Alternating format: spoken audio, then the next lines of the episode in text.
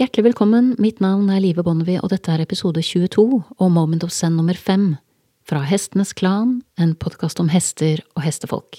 Dagens Moment of Zen er hentet fra episode 2, Den enøyde hesten.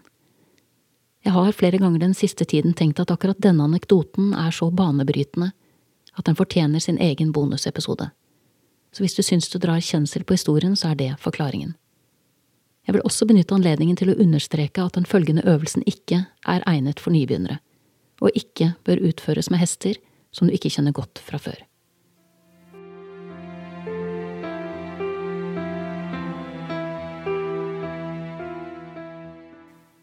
For omtrent 20 år siden så fikk jeg et for meg uvanlig råd av en natural horsemanship-trener. Jeg ble rådet til å gå ut på beite, møte hesten min som jeg pleier, og deretter ta et godt tak i halen og be hesten lede vei. Det vil si be hesten komme med forslag om hva vi skulle gjøre. Det var ikke en revolusjonerende tanke for meg, jeg hadde allerede for lenge siden satt kommunikasjon med hesten over ambisjoner og resultater. Men inngangen til samtalen med hesten var ny, det å ta tak i halen og la hesten lede an på denne måten. Jeg husker at jeg intuitivt tenkte at dette rådet ville åpne en ny dør i relasjonen til hesten min, men jeg var ikke forberedt på omfanget av hva som skjulte seg bak den døren.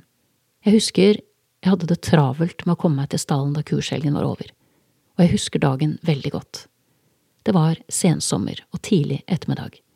Solen sto fortsatt ganske høyt, svarttrosten sang fra toppen av bjørka, og det var en mild dag med summende, late insekter.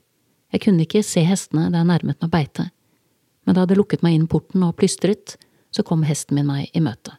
Ikke noe uvanlig i det, han kom nesten alltid når jeg plystret, men jeg har nok tenkt tilbake at det kanskje ikke var tilfeldig at han akkurat denne dagen valgte å komme farende gjennom beitet som en vind i strak galopp. Jeg skjønte det ikke den gangen, men med den hesten jeg har i dag, har jeg veldig tydelig sett et mønster i måten jeg ble møtt på. Jo høyere oppe jeg har mitt ego, min travelhet og mine mål for dagen, jo mindre nysgjerrig er han på hva vi skal gjøre sammen. Når man virkelig har kontakt med hesten sin, så virker det som om de vet hvor de har oss lenge før de ser oss. Min erfaring er at de tidlig sanser hva slags energi vi bringer til torgs, hvis kontakten og kommunikasjonen mellom oss er dyp. Og med dette bakteppet er det ikke så underlig at hesten min kom i strak galopp akkurat denne dagen. Jeg visste ikke da at dette kom til å bli et av de mest ikoniske øyeblikkene i mitt hesteliv. Et øyeblikk jeg aldri kommer til å glemme, og starten på noe som skulle forandre relasjonen til hesten min for alltid. Men jeg mistenker at hesten min kan ha merket at det var noe i luften. Noe som var verdt å være med på. Jeg husker de raske hovslagene hans, den lyse manen som fanget solstrålene, og hvordan pelsen hans skinte dyprødt mot det litt nedspiste, gulende beitet. Han bråstoppet like ved meg, og jeg hilser på ham som jeg pleier. Så stryker jeg hånden ned langs halsen hans og videre over ryggen og krysset, før jeg lar den gli over haleroten og videre ned over selve halen. Så legger jeg hånden forsiktig rundt en bit av halen, så mye hale som skal til for å fylle en lukket neve og jeg holder fast i den. Deretter gjør jeg som jeg ble rådet til. Jeg fyller meg selv med en tanke om at i dag er det du som bestemmer hva vi gjør. Det første som skjer, er akkurat det treneren hadde forutsagt. Hesten min snur seg for å få kontakt med meg igjen, men jeg holder fast i halen, og derfor blir jeg med rundt, og når hesten min nølende stopper opp igjen og ser på meg, så blir jeg bare stående med halen i hånden og vente. Dette gjentar seg noen runder på hver hånd. At han snur seg mot meg, men at jeg blir med halene rundt når han går rundt så han kommer ikke nærmere. Så stopper han opp igjen og bruker noen sekunder på å områ seg. Men han er i ferd med å innse at han har et menneske hengende fast i halen. Et menneske som er åpent for alt. Han står stille en god stund. Så fatter han åpenbart en beslutning og begynner å gå. Bort fra porten og videre innover beitet. Han leder meg ned langs gjerdet til en del av beitet der det er lite gress, mye berg i dagen og en liten klynge med småtrær. Der stopper han og blir stående. Jeg blir også stående en stund, før jeg innser at vi er kommet dit vi skal hvis hesten min får velge. Jeg skjønner bare ikke helt hva vi skal der. Jeg slipper halen hans og går fram til skulderen. Der blir jeg stående litt før jeg plutselig innser hva hesten min svarer når jeg sier at det er opp til ham å bestemme. Han har ledet meg til et sted der sauegjerdet er tydelig skjøtet og sydd sammen av en solid, tykk ståltråd og det er da jeg kommer på at bonden tidligere pleide å lage en åpning her, og slippe hestene ut for å la dem beite på jordet om høsten. Jeg hadde helt glemt det selv, men nå husker jeg det vagt selv om det er flere år siden denne åpningen sist var i bruk.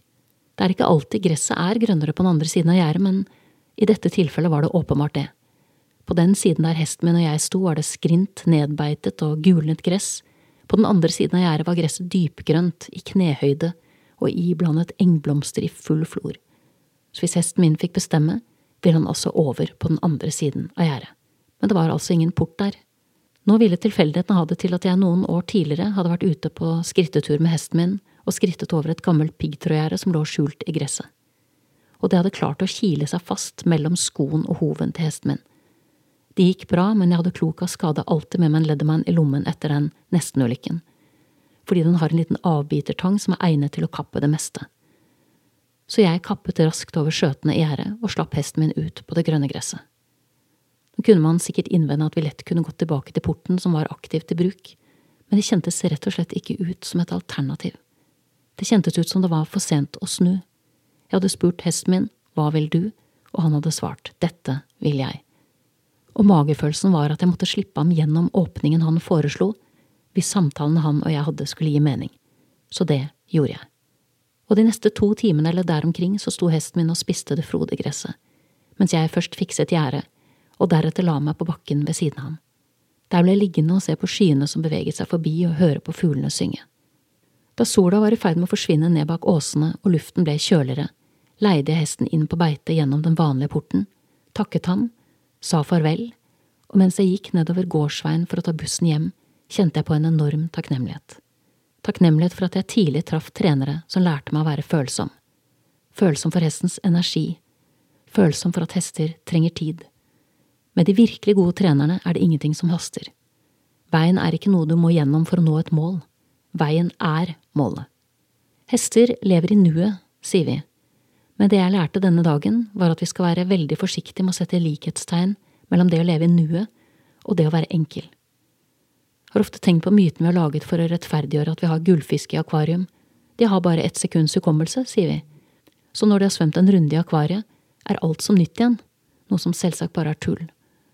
Det er særlig to ting som stikker hull på denne myten for meg.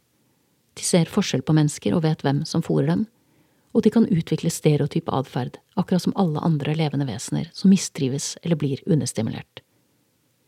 For selv om det er sant at hester har en enorm tilstedeværelse i nuet, og at de ikke resonnerer over fremtid og fortid slik vi mennesker gjør, så har de minner og erfaringer. For eksempel minner om gamle porter som alle andre har glemt. Du har nettopp hørt episode 22 om Moment of Zen nummer 5 fra Hestenes Klan, en podkast om hester og hestefolk. Takk til min faste komponist Fredrik Blom, og sist, men ikke minst takk til deg, kjære lytter, for tålmodigheten. Måtte hesten for alltid være med deg.